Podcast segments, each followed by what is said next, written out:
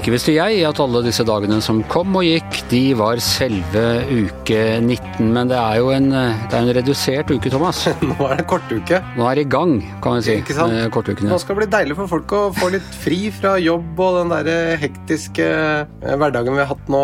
Ja. Samboer og alt. Nå er vi blitt veldig sterkt minnet på at vi er ikke alle som jobber på hjemmekontor, og det er nok eh, for de som virkelig jobber og ikke har sånn tøssejobber som oss, så er det, er det helt sikkert bra å få, få fri. De som jobber med vaksinering og sånn, de jobber vel Ja, uansett. der tror jeg ikke det er noe som heter inneklemt dag, som jo er en, en vederkvegelse for, for resten av, av arbeidsstokken. Det går mot 17. mai, Thomas. Hvordan skal du feire? Skal du gå i tog i hagen? Det, det blir jo ikke noe 17. mai-tog nå heller. Jeg, jeg tenkte litt på det at eh, nå har jo 17. mai-toget I fjor var det jo pandemi, og nå er det det samme i år. Og før der igjen så var det jo litt sånn Det var jo 17. mai-tog, men alle var litt engstelige pga. terrorfare, var det Jo, ikke det? altså det la vel altså Jeg tror ikke det la en reell demper, for jeg prøvde å ta meg rundt i sentrum på, under 17. mai-togene og, og plukke opp sønnen min og sånne ting. og det var like vanskelig som, eh, som alltid. Men det var jo i hvert fall Jeg vet ikke om det var siste året før, men noen år før så var det jo eh, for første gang da altså De satte ut disse her eh, svære, gigantiske blomsterpottene, og det var, det var snakk om at det lå liksom snikskytere klar til å ta ut uh, eh, potensielle terrorister og sånn. Så ja, 17. mai er på en måte litt sånn eh, barometeret på, på eh, truslene mot Norge. Hver og en av oss slipper det problemet med å finne noen sko som du kan gå langt i, men som ikke er for stygge til klærne. Men har vi ikke, har vi ikke resignert der? Jeg, altså jeg synes, altså Hvis du går på, på i børsen eller hvor som helst, så ser du alle kommer ut i fete italienske dresser og sånn, og med Hoka joggesko eller eh, Nike med sånne platåsåler. eh, Kampen for de fine skoene, den føler jeg er tapt. jeg. De lager også noen sånne hva skal vi si for noe, sko som liksom skal både være gode å gå i og se fine ut, men det, der har de ikke lykkes. Nei. Der, der gjenstår det mye forskning og utvikling, og kanskje er det noe Norge kunne satse på når, når oljen tar slutt? De, de har laget noen så de tenker sånn De skal se fine ut, men i et svakt øyeblikk så kan man tenke ja, men det ser da helt greit ut, men så ser du på det, så ser du Nei, det gjør jo ikke det. De har ikke kommet lenger enn tupeen, på en måte. Hvis du ser veldig fort på det, så ser du ja, men det er da hår, og så ser du ja, men det er ikke det. Men tupeen syns jeg viser hvor kort vi egentlig har kommet uh, i dette samfunnet. Fordi altså, man skulle tro at det var den enkleste sak av verden. Med alt du kan gjøre av filmtriks og greier og digital behandling og, og, og sånn. Uh, Så burde det å liksom ha noe ekstra hår på, på toppen, det burde være en smalsak. sak. Men der føler jeg at det har stått på stedet hvil siden jeg lærte om tupé tidlig på 70-tallet. Jeg, jeg, jeg er enig. Og Det som er helt klart, er at uh, vi må legge, få lagt denne pandemien bak oss. Vi må uh, alle vaksineres, vi må oppnå flokkimmunitet. Vi må få samfunnet i gang igjen, slik at vi kan kaste oss Ja. over de store og viktige oppgavene, som det å skaffe uh, bruksvennlige, gode sko som du kan bruke til dress. Det er helt sant. La oss forte oss med det før den indiske mutanten kommer og øh, vaksinen ikke virker. Ja, jeg tror ikke vi skal starte på den indiske mutanten. Eh, vi skal ikke jinxe dette her nå, Thomas. Nå går alt eh, rette veien, og nå skal samfunnet snart gjenåpnes. Altså, Jeg vet ingenting, Anders, men jeg vil anta at det diskuteres i regjeringen og i FHI og i Helsedirektoratet hvem er det som melder seg til å holde den pressekonferansen om at vi har en god og en dårlig nyhet. Den gode er at alle nå er vaksinert. Den dårlige er at den virker ikke på den indiske mutanten, som Nå, Thomas, nå er du eh, komiker til vanlig. Nå må du huske at I denne rollen så er du nyhetsformidler, og da må vi eh, Altså, vi vil gjerne selge aviser og, og skaffe klikk og sånn, men vi må unngå unødig uroe befolkningen. eh, og det gjør du litt grann nå, altså. Jeg bare tenker høyt, Anders, men eh, se på meg som Stuttum. Du er Totte Osvold, jeg er Stuttum. Stuttum har lov til å komme okay, ja, men med da, da, da, andre da, da, innspill. da, sier jeg det, da sier jeg det, Thomas. At, eh, ta Skriv inn til oss om det, du. Det er greit. For vi har eh, storfint besøk eh, i dag i anledning av eh, nasjonaldagen eh, på, på kommende andre. Hjertelig eh, velkommen til Marianne Borgen, ordfører i hovedstaden. Tusen takk. Eh, du, vi, har, vi, diskuterte her på forhånd, Thomas og jeg.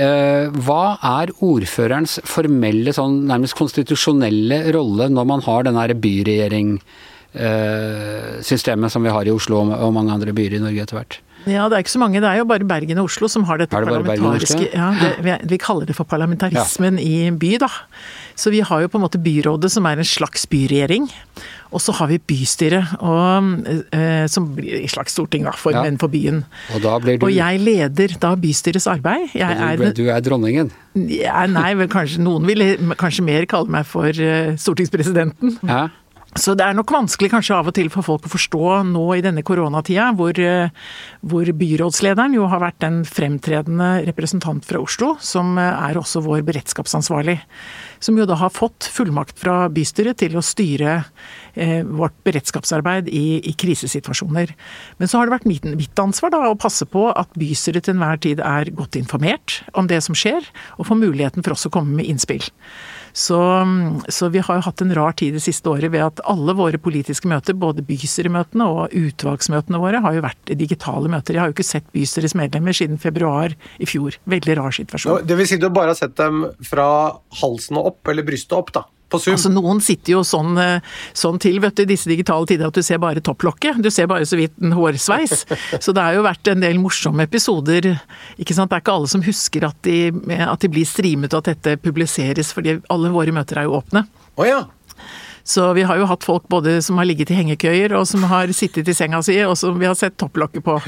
Men dette, det har jo blitt bedre etter hvert, da. For nå skjønner, husker alle at de er faktisk eh, Det blir streamet, og hvem som helst kan gå inn og se på kommunen. Men du, det har vært litt sånn ulikt historisk hvor fremtredende ordførerrollen har vært i Oslo, i hvert fall. Fabian Stang og Albert Nordengen de var jo veldig, veldig synlige, og kanskje mer enn en den som var byrådsleder. Eh, sammen med dem. Mens nå har det vært mer omvendt. Er det noe dere har avklart på forhånd, eller? Eller er det personligheten som jeg avgjør dette? det, Jeg tror nok det er en blanding av personlighet, og så er det situasjon. Eh, det er klart at i den situasjonen som Oslo har vært i, i hvert fall det siste året, har jo vært veldig spesielt og vært veldig stort sett liksom bygget rundt eh, pandemien og koronasituasjonen og restriksjoner osv. Så, videre. så tror jeg det har nok sikkert litt med personlighet å gjøre også. Så det er nok sikkert, jeg har jo møtt faktisk det siste året noen som har sagt liksom oi, har vi en ordfører i Oslo, liksom? eh, og det er på en måte litt leit. Ja, strengt tatt så stilte du vel ikke til valg som ordfører engang? Jeg gjorde ikke det, skjønner du. Nei. Du har gjort det tidligere, men ikke denne gangen? Nei, jeg var ordførerkandidat tilbake i 2011 en gang. Eh, eh, men så har jo ikke SV stilt ordførerkandidat. Så når jeg ble valgt til ordfører i 2015, så var jeg ikke ordførerkandidat. Men jeg har vært med lenge nok til at jeg husker at du kom inn i bystyret ganske tidlig. Mens du var i bystyret, så var det en stor sak om at du ammet i bystyresalen. Og det var Det er så lenge siden at det på en måte En ammende kvinne, det var noe veldig radikalt og annerledes og stor, stor ståhei. Det har skjedd ganske mye på de åra? Heldigvis har det skjedd veldig mye. Husk på, nå snakker du om begynnelsen av 80-tallet. Ja, ja, det må ha vært så, det. Da hadde jeg en periode i bystyret, fikk jeg to barn, og så hadde jeg en lang pause før jeg kom tilbake. Men da er det riktig at da ammet jeg både i bystyresalen og jeg satt i boligutvalget den gangen, og det var stor ståhei rundt det. At man blotte sine bryst. Det var liksom ikke vanlig. Nå er det heldigvis ganske så vanlig, og ingen reagerer på det. Og det Ser i bystyresalen nå? Ikke, ja, det skjer av og til det. Eh, det gjør det, og det, det er klart at eh, vi ønsker jo at eh, også si, kvinner med babyer skal ha muligheten for å kunne ivareta sitt verv som bystyremedlem. Så trenger de ta med seg barnet, så er det bare fint. Altså Som, som barn, jeg, jeg, vil jo tenke at det er litt unikt å ha vokst opp med å bli ammet i rådhuset. Det er jo noe flott med det, da. Ja, men du vet, du ammer ikke barnet ditt til det er voksent, så man blir liksom ikke Man, vok, man vokser jo ikke opp med, med ammingen. Altså, Gro Nylander holdt på, holdt på ganske lenge, i hvert fall, altså, hvis hun hadde vært der. Ja, hun, hun, Hvor lenge ble du ammet, eh, Thomas? Nei, jeg slutta vel da jeg begynte på skolen, i hvert fall. du, ellers de tradisjonelle tingene man forbinder med, med, ordførerrollen, det er jo åpning av eh, ja, alt fra gymsaler til uh, kjøpesentre og, og i det hele tatt mulig det bare er en klisjé og mest sånn i, i små kommuner som det jeg kom fra, men har du hatt den type oppgaver nå eh, i løpet av året som gikk, og hvordan gjør man det digitalt? Ja, Det er et godt spørsmål. Det eneste som vi har på en måte åpnet av virkelig sånn stor betydning for Oslo i løpet av denne pandemitiden, er jo Deichman Bjørvika. Som jo er en fantastisk bygning og et utrolig løft for bibliotekene. Eh, og da var det jo veldig sterke begrensninger.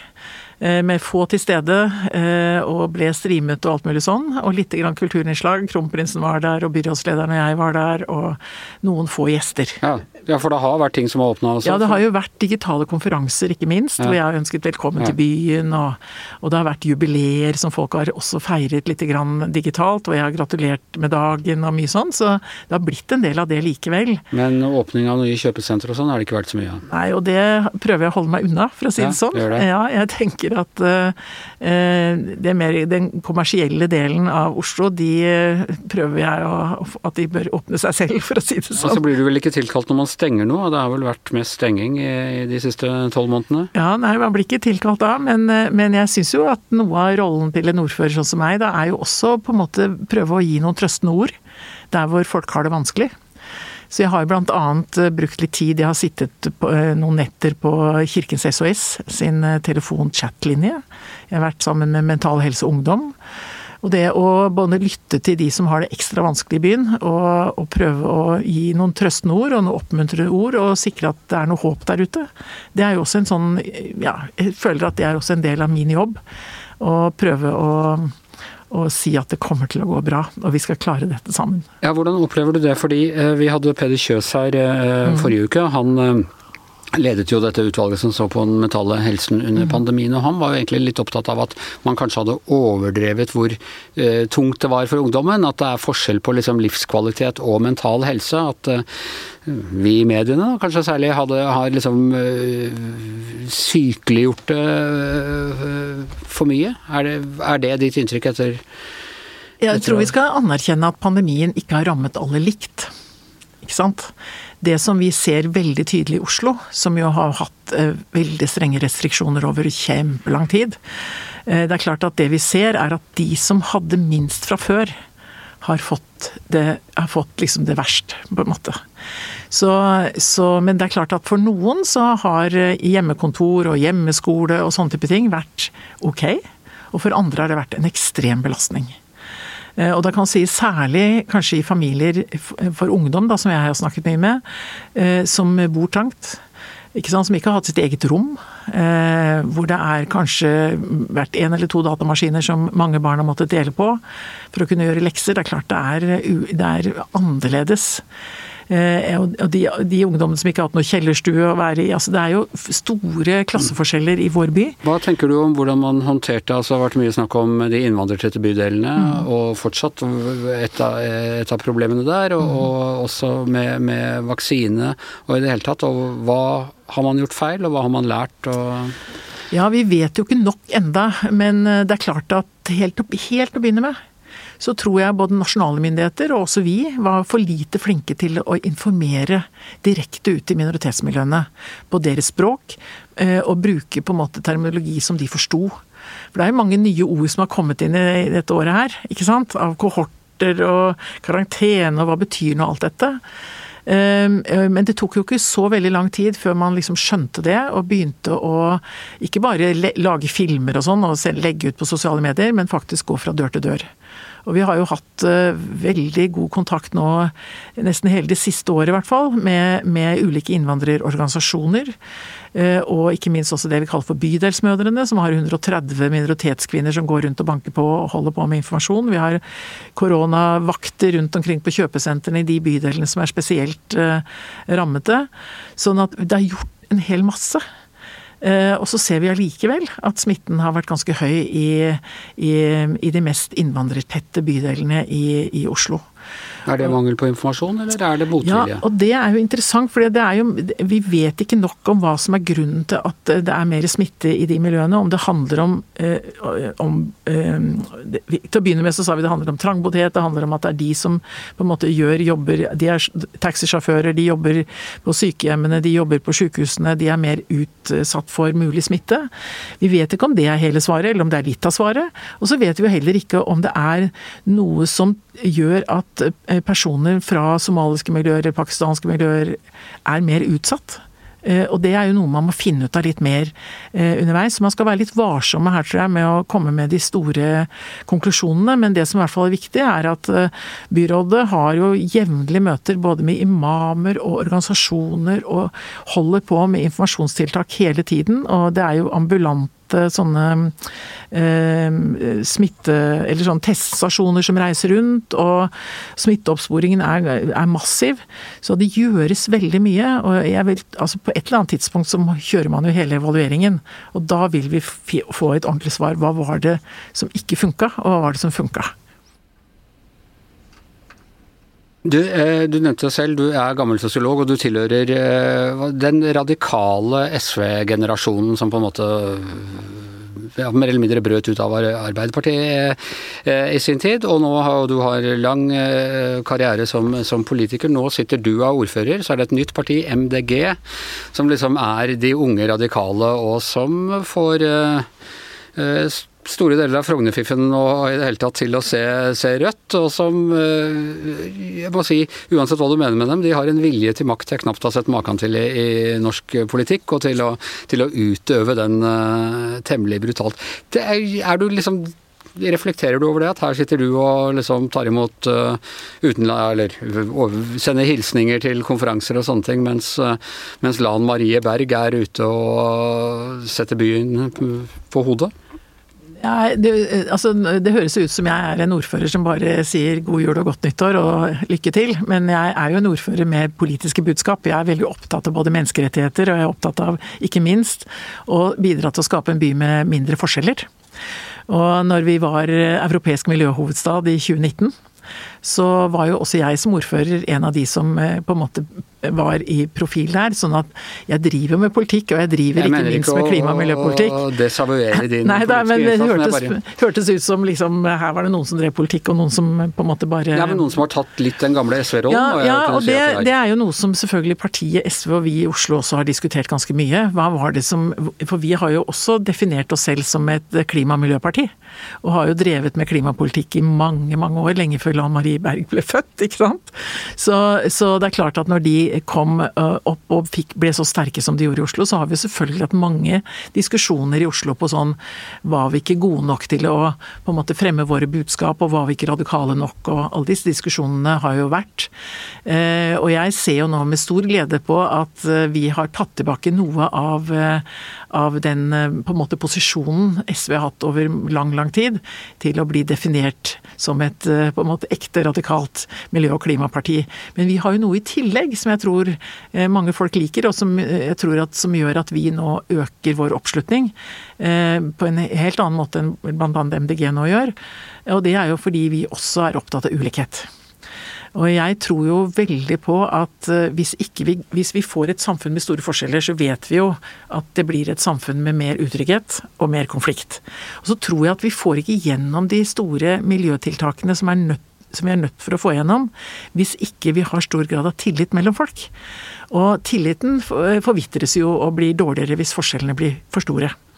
Så jeg tror at det velgerne kanskje ser i oss nå, det er at de får på en måte begge deler. De får et trygt, tillitsbasert samfunn ved at vi jobber for mindre forskjeller. Også i tillegg så får de noen som er opptatt av at vi skal ha en framtid med, med en klima- og miljøpolitikk som er bra. Syns du at MDG kjører for hardt? Du, tenker du liksom Nei.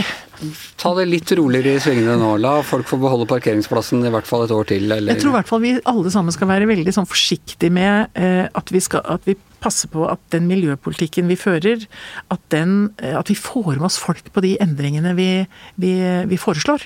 Så ikke det blir sånn veldig polarisert. Eh, men det jeg jo ser med stor glede, er jo at husk på, vi begynte med en ganske tøff eh, klima- og miljøpolitikk tilbake i 2015, da vi fikk et rød-grønt flertall i byen. Og så ble vi gjenvalgt i 2019. Det betyr jo at en stor del av Oslos befolkning ville ha det vi sto for. Og MDG gikk fram, så det Og MDG gikk også fram. Dere og ja, sånn at du kan si Oslo har jo blitt en mer radikalisert by. Du skal jo ikke så lang tid tilbake i historien før Oslo var på en måte høyresidas eh, vindu. Utstillingsvindu, Utstillingsvindu til og med, ja. ikke sant. Mens nå har vi fått en ganske radikalisert by.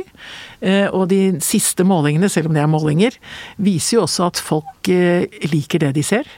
Eh, de, nå, for det, er, det, tar jo litt tid før man får materialisert også en del av dette. ikke sant? De liker at vi, at vi får mindre biltrafikk, at vi får forurensningene ned. De liker at vi kjører på, på med flere sykkelveier, og folk liker også at vi har laget gratis aktivitetsskole for barn, for å nevne bare noen eksempler. Men du, for, for meg som litt sånn utenforstående velger, da.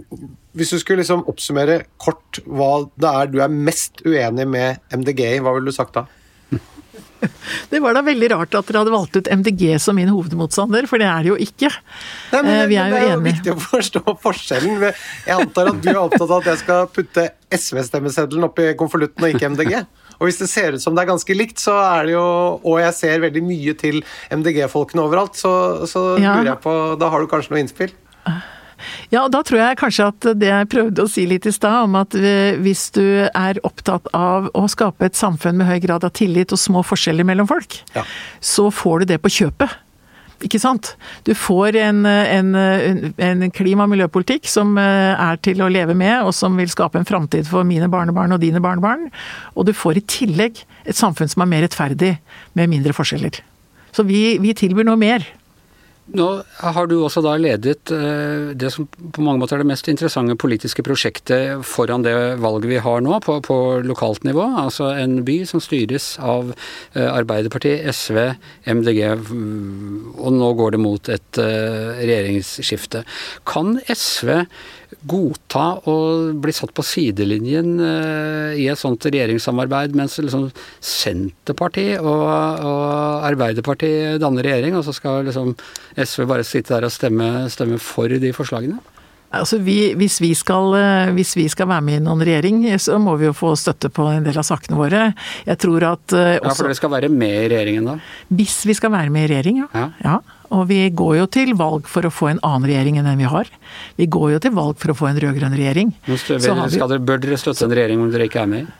Ja, Det er et godt spørsmål. Jeg tror at vi skal i hvert fall ikke støtte en borgerlig regjering. Og så blir det jo, altså dette, Hvis det blir en regjering med, med Arbeiderpartiet og Senterpartiet, så får jo også Arbeiderpartiet et ganske stort problem. For grunn, En av grunnene til at Senterpartiet er kritisk til å ha med SV i sitt regjeringsprosjekt, det er jo at de ønsker å hente sitt flertall i et breiere politisk landskap. Og da er det jo stor fare for at den eh, Senterparti-Arbeiderparti-regjeringen da går til høyre, og til høyresida, for å hente sine flertall. Og det vil jo være et alvorlig politisk eh, feilgrep, tror jeg, for Arbeiderpartiet. Så jeg tror at vi skal eh, jeg tror, jeg tror, på en regjering som kan gå ut fra både Arbeiderpartiet, Senterpartiet og SV. Men det er jo avhengig av hvor sterke vi også blir etter valget. Vi har jo noen eh, sår etter forrige regjeringsperiode som vi skal ta godt vare på. Eller som vi har lappa sammen, da. Samtidig som vi har noen gode erfaringer eh, nå med det samarbeidet vi har i Oslo. For vi har jo faktisk klart å samarbeide ganske godt fra 2015 og helt fram til nå. Eh, I et trepart, eh, trepartisamarbeid i byråd, og med da støtte fra Rødt i, i bystyret. Og det tror jeg er erfaringer som er interessant å ta med seg også inn i et nasjonalt fellesskap. For meg så uh, ser det litt sånn vanskelig ut. Altså, jeg, jeg, forstår veldig godt at det er stor enighet blant både dere og Rødt og MDG og Senterpartiet og Arbeiderpartiet om at vi vil ikke ha den regjeringen som er nå. Men det virker som det er duket for veldig mye uenighet innad også, altså med da Senterpartiet, som jeg oppfatter er på et ganske annet sted enn dere i klimaspørsmål, f.eks., som jo er sånn veldig viktig for eh, SV. Så, så jeg, pluss at jeg også lurer litt på hvem som skal da sitte med kalkulatoren mitt oppi dette her. Kan, kan, du, kan du berolige meg? Nei, det tror jeg ikke. Jeg tror at eh, dersom det blir en situasjon etter valget hvor eh, eh, de tre partiene jeg nevnte setter seg rundt et forhandlingsbord, så kommer det til å bli beintøft. Det tror jeg. Eh, fordi det her er det, det, er, det er mange uenigheter. Men sånn er det jo eh, i et politisk landskap hvor det er flere partier som setter seg rundt forhandlingsbordet. Det var tøffe, Vi hadde tøffe diskusjoner i Oslo også, både i 2015 og 2019, for å komme fram til et felles eh, byrådsplattform. Jeg var med på begge de rundene. Og, så, sånn er det, liksom. Men den tida i Norge hvor ett parti får flertall alene, er jo liksom over. Så alle partiene tror jeg nå tenker at hvis de skal få makt og innflytelse over samfunnsutviklingen, ja så må de gi og ta. Da blir svaret oljefondet, da. Nei, det gjør nok ikke det. Det er nok mange, mange flere spørsmål som vil bli drøfta der. Jo da, men, men, da skal alle på en måte få løst sine ting, og så, blir det, så slipper man å kompromisse, for da går man til oljefondet. Nei, det, det jeg tror ikke det, det, tror jeg vil være et veldig dårlig svar. Ja, det, det kan vi være enige om. det virker som at det, det, er lett å bare ta hånda litt opp i kakeboksen. Ja. Du skjønner, SV har en mer radikal fordelingspolitikk enn det, skjønner du. Vi ønsker nok at eh, vi skal, vi skal utjevne forskjeller og sånn sett skattlegge de som har mest, noe mer. Vi ønsker en eh, ny, en annen boligpolitikk, ikke minst, hvor også skattlegging av sekundærboliger osv. Så videre. sånn at vi har mange gode forslag som, eh, som Senterpartiet og for så vidt også Arbeiderpartiet må bryne seg på hvis de skal komme fram til noe felles plattform med oss. Jeg skjønte det, jeg tenkte bare litt på de inntektene som skal skattlegges. De må jo være av en viss størrelse. Ja, de må det. Du trenger ikke å bekymre deg for oljefondet, Thomas. Du skal skattes til døde isteden. Så...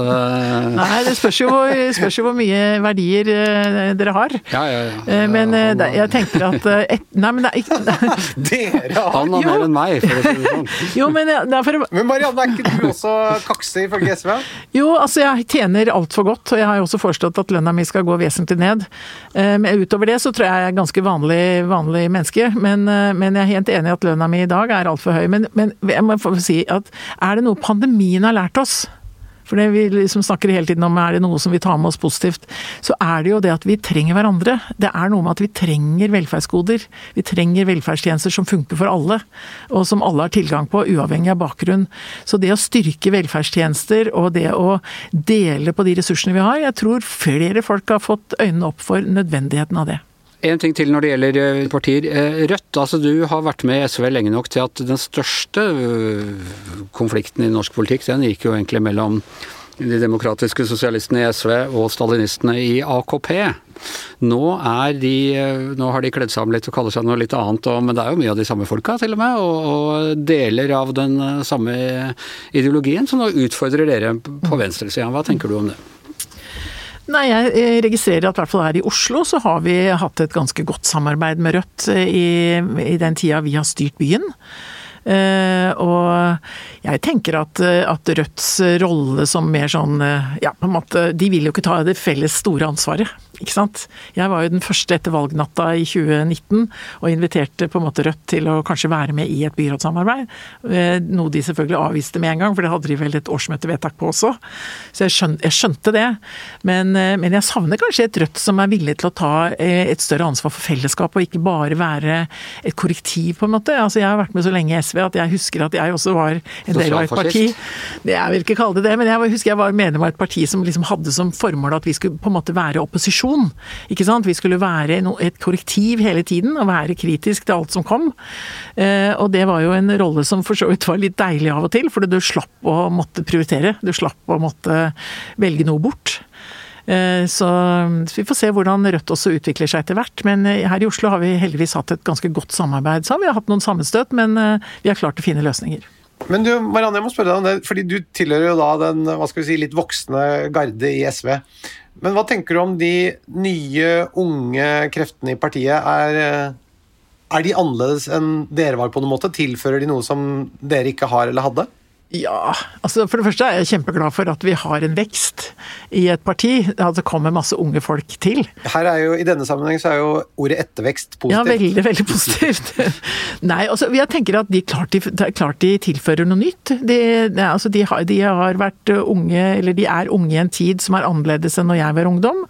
De har et engasjement og en kompetanse som jeg tror ja, vel så sterk som det vi hadde, og en kreativitet som også er kanskje vel så sterk som det vi hadde. Så jeg tenker at de virkelig bidrar til fornyelse. Jeg er jo kjempestolt av, eh, av mange av de unge, flotte, nye folka vi har i vårt parti. Ikke minst Kari Elisabeth Kaski, som jo er en, virkelig en stjerne. Og, som var gjest her for eh, to uker siden. Ja, ikke sant. Og Marian Hussein, som vi også nå har som på andreplass på Oslos liste. Så det, det er jo superbra. Eh, at vi, at vi har en, det det du kaller ettervekst, det er helt nødvendig for å bringe samfunnet videre og for å få en god politikk. Er de litt strenge? Altså Nå snakker jeg ikke om SV-ungdommen, men, eh, men, det er mye sånn kan ikke le av ditt og kan ikke le av datt, og nå står en benk med en uh, gammel biolog i Tøyenparken, og han uh, mente ting som ikke hadde passert i dag. og Er det litt sånn humørløst strengt, den nye radikale generasjonen, sier jeg, parentes 59? Av og til så syns jeg kanskje de er litt strenge. På den annen side så skal vi jo ikke underkjenne eh, at vi lever i et samfunn med økende rasisme. Og et samfunn med, med også mye hatretorikk. Altså det er jo Hele den digitale samfunnet vårt har jo gjort eh, dialogen og det politiske arbeidet også ganske annerledes. Ikke sant? Det er ikke, altså, nå, nå, må jo alle være med på alle sosiale medier for i det hele tatt å kunne klare å definere seg som politiker. Det var helt annerledes for 40 eller 20 år siden. Så, så det er klart at eh, det blir kanskje av og til litt sånn tøffere retorikk og litt tøffere tak. Eh, men eh, ja, nei, altså jeg tenker at eh, vi var jo også ganske sinte og ganske oppgitt. Jeg ble jo politisk si, aktiv under apartheid og striden og kampen mot atomvåpen og kampen mot Vietnamkrigen og sånn. Og vi sto nå og skrek og, jeg, og var ganske tøffe vi òg. Og jeg syns vi gikk i demonstrasjonstog annenhver dag. Så, så, vi var nok det vi òg, men vi husker det kanskje ikke så godt nå. Men det er en annen Det, det var en helt annen, det var annet annet i gamle dager. Vet, det jo, var men jeg, tror, kamp, var... men jeg husker at jeg var ganske sint. Ja. Jeg var kjempesint. Har vel ofte vært en del av uh, Og Det er noe av drivkraften også, ja. kanskje. At du er sint, og du vil endring, og du vil at det skal se annerledes ut.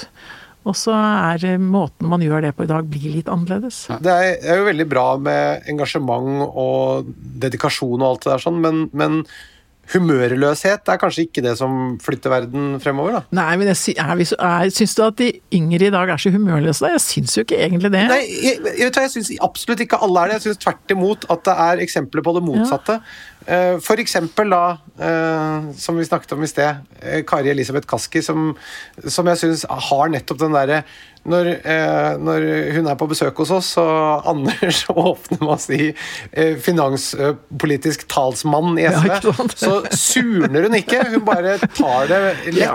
og er eh, sosialt smart og begavet. Ja. Det som jeg savner nå, er kanskje at vi ikke bruker, vi bruker ikke så mye sang. Så vi, altså, gamle dager så sang vi på alle møter. Ja, mye sånne de gamle, fæle radiosangene. Ja, eller jeg som var en del av kvinnebevegelsen. Jeg hadde masse fine sanger. og Det var ikke et møte uten at man måtte synge et par-tre sanger sanger. Og det savner jeg litt i hadde en egen sang om å brenne VG. VG brenner, VG brenner, så det brenner, så det brenner. Vi, med ber ikke altså. Vi kan jo også si at uh, musikkbransjen tar seg av den, uh, den dimensjonen. da. De også har jo samfunnsengasjement i musikken, så også kan dere føre, føre de mer intellektuelle ja, resonnementene. Jeg husker jo sånne sanger som 'Flytt deg, jeg det står i veien for sola' ja, ja. og sånne type ting, som var mye mer av før. Nå er det jo mye rappere, og det er mange som har flotte flott flotte og interessante og spennende politiske tekster. Carpe Diem og sånn. Ja, ikke sant. Jo, ja. men, vi, men, jeg tenker det der mer sånn fellesskapssangen, da. Ja. Den er det ikke så mye av lenger. Allsangen, rett og slett. Allsangen, ja, Allsang på grensen er et utmerket TV-program på Jo da, men også Marianne, jeg må bare si at uh, jeg blir litt nervøs på dine vegne hvis du har tenkt å fyre i gang mye sånn allsang fra talerstolen fremover. Jeg tenkte ikke akkurat for talerstolen, nå tenkte jeg mer i de politiske partiene og sånn. for jeg, jeg tror litt på det å synge sammen og tulle spiller litt sammen, at det også skaper et fellesskap. Da. Kort til slutt, hvordan skal du tilbringe altså hvor, Vanligvis, hvordan eh, Jeg må innrømme, jeg vet ikke helt hvor ordføreren er på 17. mai. Står du på en balkong og vinker, eller? Nei, jeg gjør ikke Nei, det. Ikke. Jeg, har jo, jeg pleier å gå først til 17. mai-toget. Ja. Og det er jo en stor opplevelse. Ja. Gå opp Karl Johan, ikke sant. Og med 30 000 unge bak. Og med korps og eh, faner og flagg og alt. Eh, det blir det jo ikke noe av i år heller. Det er veldig trist, ehm, men vi håper det blir neste år. Ja. Det håpet jeg for så vidt i fjor også. Eh, nei, så vi, Det begynner gjerne dagen med, å, med en del kransenedleggelser som jeg er til stede på. Ja. Er. Så en tre-fire kransenedleggelser på morgenen, og så Og det skjer ikke digitalt? Det... Nei, eh, jo faktisk. Det, det. blir kransenedleggelser i år, men vi sier ikke helt klokkeslett og styr oss til, fordi uh, vi ikke vil at folk skal komme. Nei. Men det blir, og det blir, det blir streamet og sånn, sånn at de døde som skal hedres, de blir hedret hedret. Ja. Med vakre blomster. Det blir blomster på Wergelands grav. Det blir det, vet du. Alt dette skjer som pleier å skje, men, men det blir ikke med masse folk til stede. Og så i, i år så blir det jo også en markering foran Slottet. Slik det ble i fjor. Eh, som da ikke er et, egentlig et svært arrangement, men vi definerer det som en slags TV-sending. ikke sant?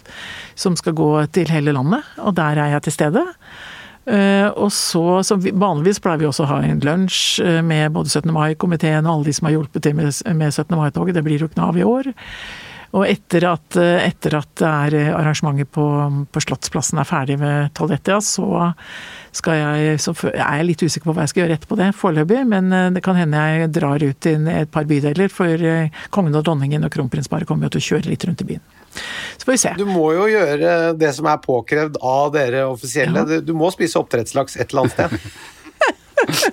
ja, det blir ikke noe av det, tror jeg, på 17. mai. fordi på 17. mai på ettermiddagen så tror jeg at jeg skal uh, være litt sammen med noen barnebarn og noen barn, og da blir det noe, noe, noe grillmat og greier, tenker jeg. Ja, du vet at oppdrettslaks egner seg på grillen? det var veldig reklame du skal gjøre for oppdrettslaksen plutselig, Thomas. Nei, altså, det er ikke noe reklame. Det er tvert imot litt ironisk, hvis jeg skal være helt ærlig. Men alle håpet skulle slippe å forklare det, Anders. Ironi blir så fint når det forklares etterpå at jeg var ironisk. ja. du, helt til slutt, vi spør alle gjestene vi har, om, om, fordi vi er opptatt av å putte penger inn i, eh, inn i samfunnet igjen og få hjula i gang osv. Har du kjøpt deg noe utover sånn eh, nødvendige dagligvarer? Siste tiden, eller har du planer om å kjøpe et eller annet som er uh, det, du, det, har jo vært veldig rar tid når alle butikker og sånn var stengt. Det er klikk og hent, vet du. Ja, så det, jeg har jo gjort det litt, da. Eh, men det, det, siste jeg kjøpte, det var eh, gave til et barnebarn. Ja. Som eh, nå blir fire år. Oh, hva fikk han? Var, nei, han, han, får det ikke før neste uke, så jeg oh, ja. kan ikke si hva det er. Okay, men det var noe han hadde ønska seg. Okay. Så, han er fast lytter på denne podkasten, vet du, Anders. Nei, jeg kan si han, han ønsket seg en, eh, en saccosekk. Okay. Og så et Thomas-toget. Ja. ja. Og det måtte jeg bestille her og der. Ja. han får begge nå. deler? Han får begge deler. Saccosekk er spesielt ja, for en fireåring. så sitte og se på TV på. Ja, selvfølgelig. tenker jeg. Nei, da, så jeg var så redd for at jeg ikke fikk God bestemor hvis han får begge de begge Ja, det er jo det som er privilegiet til besteforeldre, vet du. At vi kan skjemme disse barnebarna litt bort. Så, så nei, de siste tingene jeg har kjøpt er faktisk noe jeg, har, jeg er så heldig at jeg har seks barnebarn, så jeg måtte passe på at de får gaver til bursdagen.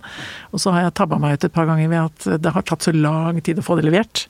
Hvor det ikke har vært klikk og hent, men bestilling. Disse barnebarna skal bare vite hvor heldige de er. Altså Hvis du har en bestemor som da eh, sitter på nettet, finner frem, bestiller, og så tar banen og så går på postkontoret og henter ut en sånn diger sacosekk, og så setter seg på offentlig transport hjem med den sacosekken. Her snakker vi om å gå gjennom ild og vann for at disse barna, barna blir fornøyd. Ja, det er viktig. Bursdager er viktig, selv i en pandemitid. Du, har du kjøpt noe, Thomas? Nei, vet du hva jeg har kjøpt? Jeg har kjøpt altså en kokebok som jeg syns er helt fantastisk. Så hvis jeg, hvis jeg nå skulle begynne på nytt igjen og bare kjøpe én kokebok, så hadde jeg kjøpt den.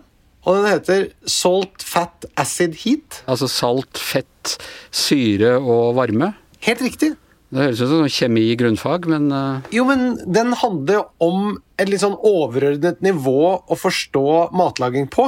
Okay. Matlaging er jo nå blitt enten noe vi har outsourcet til matvareindustrien, eller så har jo disse kokebokforfatterne infantilisert måten å snakke til oss på. fordi at eh, vi, vi, Det er sånn to desiliter, det gjør akkurat sånn, gjør akkurat sånn. Det er jo veldig sånn eh, Hva skal vi si Lite vi, vi, vi, har havnet litt bakpå, tenker jeg, da. Du er i ferd med å dekonstruere matlagingen ned i de virkelige eh, grunnstoffene her, du? Nei, men Bare det å, å, lære seg de grunnleggende teknikkene og kunne bruke dem enten du lager italiensk mat, eller du lager asiatisk mat, eller du lager uh, skandinavisk mat. Altså, dette er, uh, for det er noen prinsipper som går igjen, og det syns jeg hun, forfatteren av den boken har klart å fremstille på en veldig pedagogisk og god måte. Så jeg, jeg må bare si jeg syns det var helt fantastisk. Ja. Anders, hva har du kjøpt? Uh, ja, du, jeg har eh, Vi kjøpte en plante i går til hele sameiet jeg bor i. Uh, greia med den er at jeg har funnet en sånn egen sånn plantebutikk, så jeg er ikke så glad i å gå i det. Uh, og så er det en oppe som heter Skahjem, som ligger oppe på Ris, som kona mi er veldig glad i.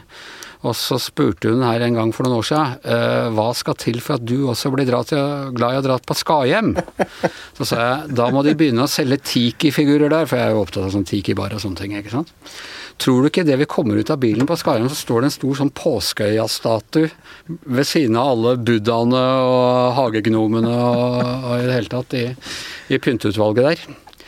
Uh, Så det var, det var, virkelig Jeg er ikke religiøs, men da begynte jeg å tro på Tiki-gudene. Og etter det så jeg, er det blitt en seremoni uh, for oss å, å, gå på Skahjem. Jeg, jeg må si jeg tror det er et ofte stilt spørsmål rundt i de tusen hjem, der uh, konen spør mannen hva skal til for at du blir med på plantasjen? ja, og dette er hakket opp fra plantasjen, det skal jeg love deg. Eh, på, på alle mulige måter. jeg, tror, jeg tror at Vi har ikke tiki-figurer på, på, plantasjen, vet du. Jeg har sett mange, har sett mange eh, menn gå rundt litt forkommende på plantasjen og ja, på en måte vente ut situasjonen. Ok, eh, med det så er eh, Giæver og Gjertsen eh, slutt for i dag. Jeg skal bare gi en, en liten anbefaling inn mot, uh, mot langhelgen. VG-podden Alt fortalt har nettopp kommet med en ny dokumentar. Eh, hør historien om Johanne og Philip, om hvordan Johanne Ile Hansen fryktet storebroren Philip Manshaus, eh, at han skulle starte en masseskyting, og at hun selv ble offer. Bare søk opp Johanne og Philip eller Alt fortalt på nettet, så finner du den eh, podkasten. Det er en meget sterk podkast som er produsert av, av våre kolleger. Hun starta vel med å si at det er, vel, det er ikke så veldig lett å være meg hjemme. Philip hater meg jo. Politiet har funnet en død kvinne i boligen til mannen som er siktet for drapsforsøk etter skyteepisoden i en moské i Bærum tidligere. 10.8.2019 gikk Philip Manshaus inn på rommet til Johanne Sangjia Ile Hansen og skjøt 17-åringen i hodet. De to hadde vokst opp sammen fra Johanne ble adoptert fra Kina da hun var ni måneder, og Philip bare var fem år. Ja, nei, nei, ikke kjønnsikkebit i øret. De hadde sovet i samme køyeseng, reist på ferie sammen, spilt de samme dataspillene og feiret bursdager sammen. De var søsken. Det var søsteren hans. Hva var det som ledet Philip Manshaus til å henrette sin egen søster? Jeg er ny superhelten i byen. Jeg kommer. Philip. VG Alt fortalt presenterer podkastdokumentaren 'Johanne og Philip'.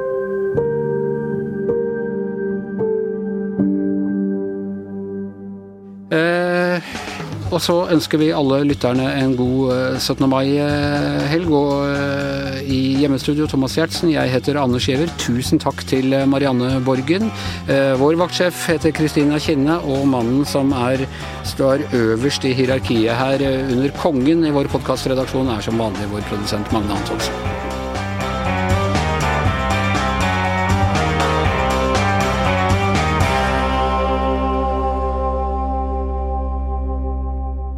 Du har hørt en podkast fra VG.